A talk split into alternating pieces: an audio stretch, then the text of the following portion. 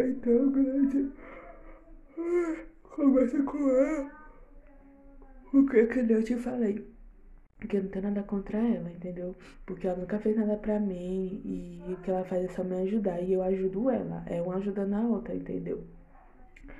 Ela às vezes precisa de me pegar pra pegar a panela de pressão, né? Aí vem lavar a roupa. Mas também, inglês, que ela faz pelos meninos aqui. Sempre compra alguma coisa pros meninos, entendeu? Aí você falar com ela entendeu? Porque igual ela falou pra mim que não tem nada contra vocês. É, deve ser que ela tá assim por causa que ela tá cheia de problema. Tá brigada com nenhum, nenhum não quer colaborar, não quer sair de casa, entendeu? E assim vai, conversa com ela aí.